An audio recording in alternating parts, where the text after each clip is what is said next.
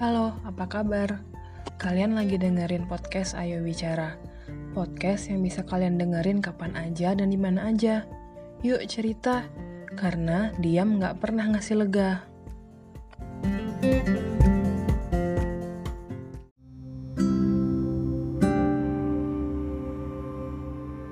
Pernah mikir kalau dunia nggak adil sama perempuan?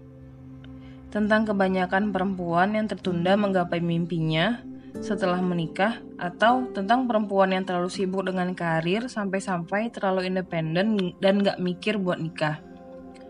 Tentang perempuan yang harus memilih dan tentang perempuan yang justru tidak punya pilihan untuk menjalani hidupnya. Lalu karena pemikiran itu, kita semua membandingkan diri sama laki-laki hidup mereka kayaknya lebih menyenangkan karena lebih bebas. Gak harus mikir mau nikah dulu atau karir dulu. Gak terlalu ribet mikirin umur udah berapa. Yang penting harus mapan di usia muda. Saya mau cerita sedikit. Salah satu orang yang berpikiran seperti itu adalah saya. Saya merasa dunia ini hanya diciptakan untuk laki-laki dan gak ada kesempatan buat perempuan Tempat yang cocok cuma dapur, sumur, dan kasur. Seakan-akan bahagia kami cuma itu. Perempuan gak boleh mimpin, karena hakikatnya seorang imam itu laki-laki. Perkataan perempuan juga jarang didengerin, karena kebanyakan perempuan pakai perasaan bukan logika. Dan masih banyak hal lain yang membuat perempuan gak bisa jadi apa-apa.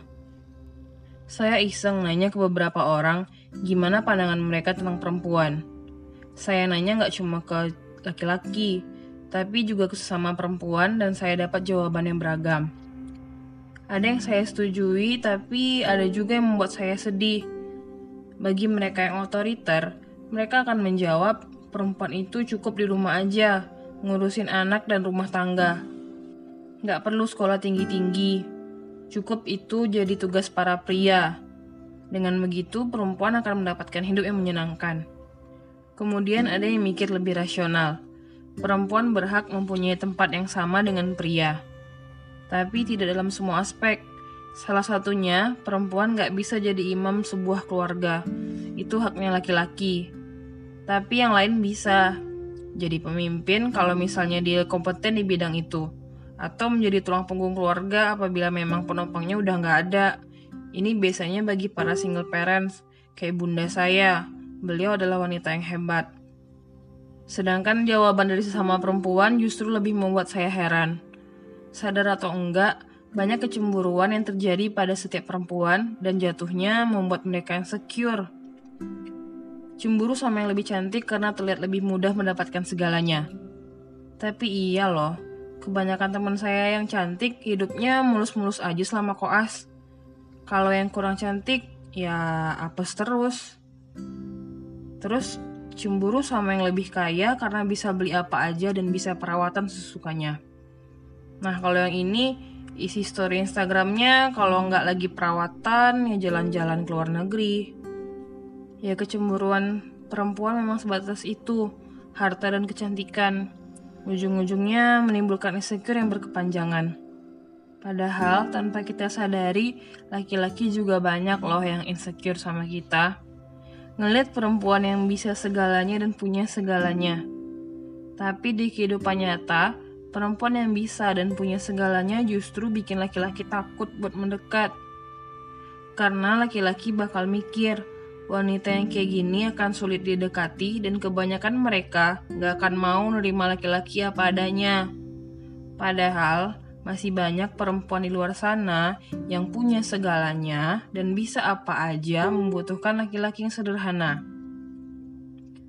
Kalau menurut saya, kalau perempuannya aja udah sempurna dan dia juga dapetin laki-laki yang sempurna, apalagi yang mau dilengkapin?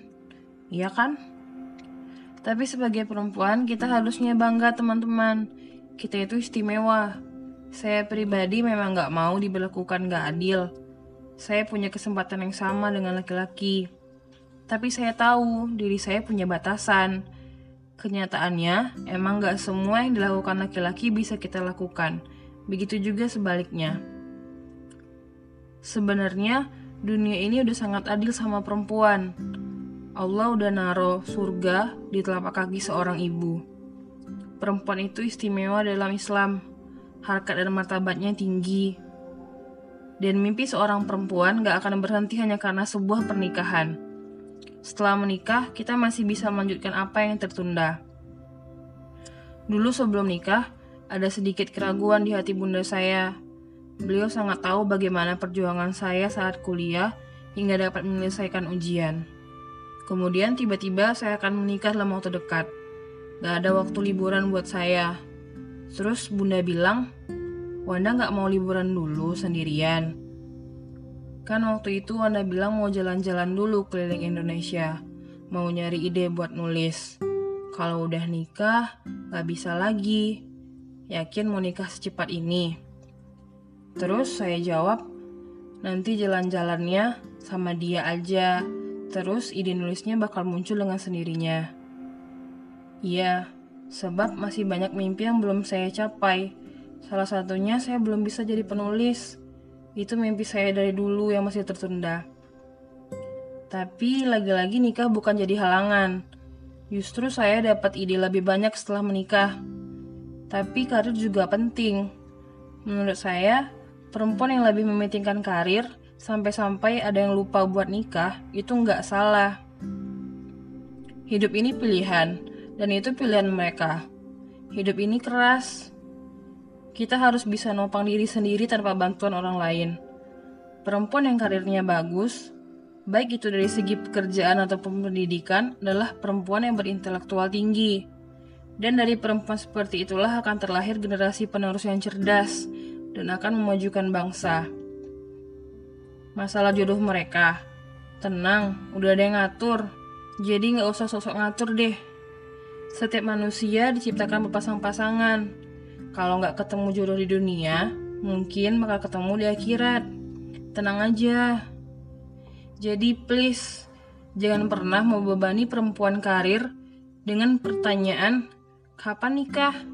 Udah umur berapa nih? Nanti jadi perawan tua loh. Tolong stop perkataan toksik kayak gitu. Itu udah menjadi pilihan mereka. Kalian yang ngomong kayak gitu belum tentu akan sesukses mereka. Kita punya jalan hidup masing-masing. Jadi nggak usah nyerempet ke jalan orang lain. Oke? Jadi teman-teman, nggak ada halangan untuk perempuan berkembang. Kita juga punya kesempatan yang sama dengan laki-laki.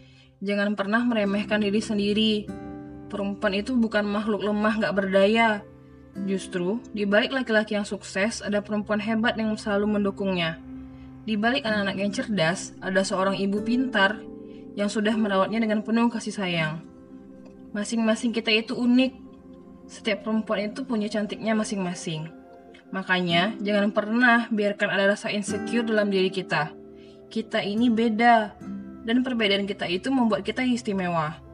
Orang yang kayak kamu itu cuma satu di dunia, jadi jangan pernah kecewa.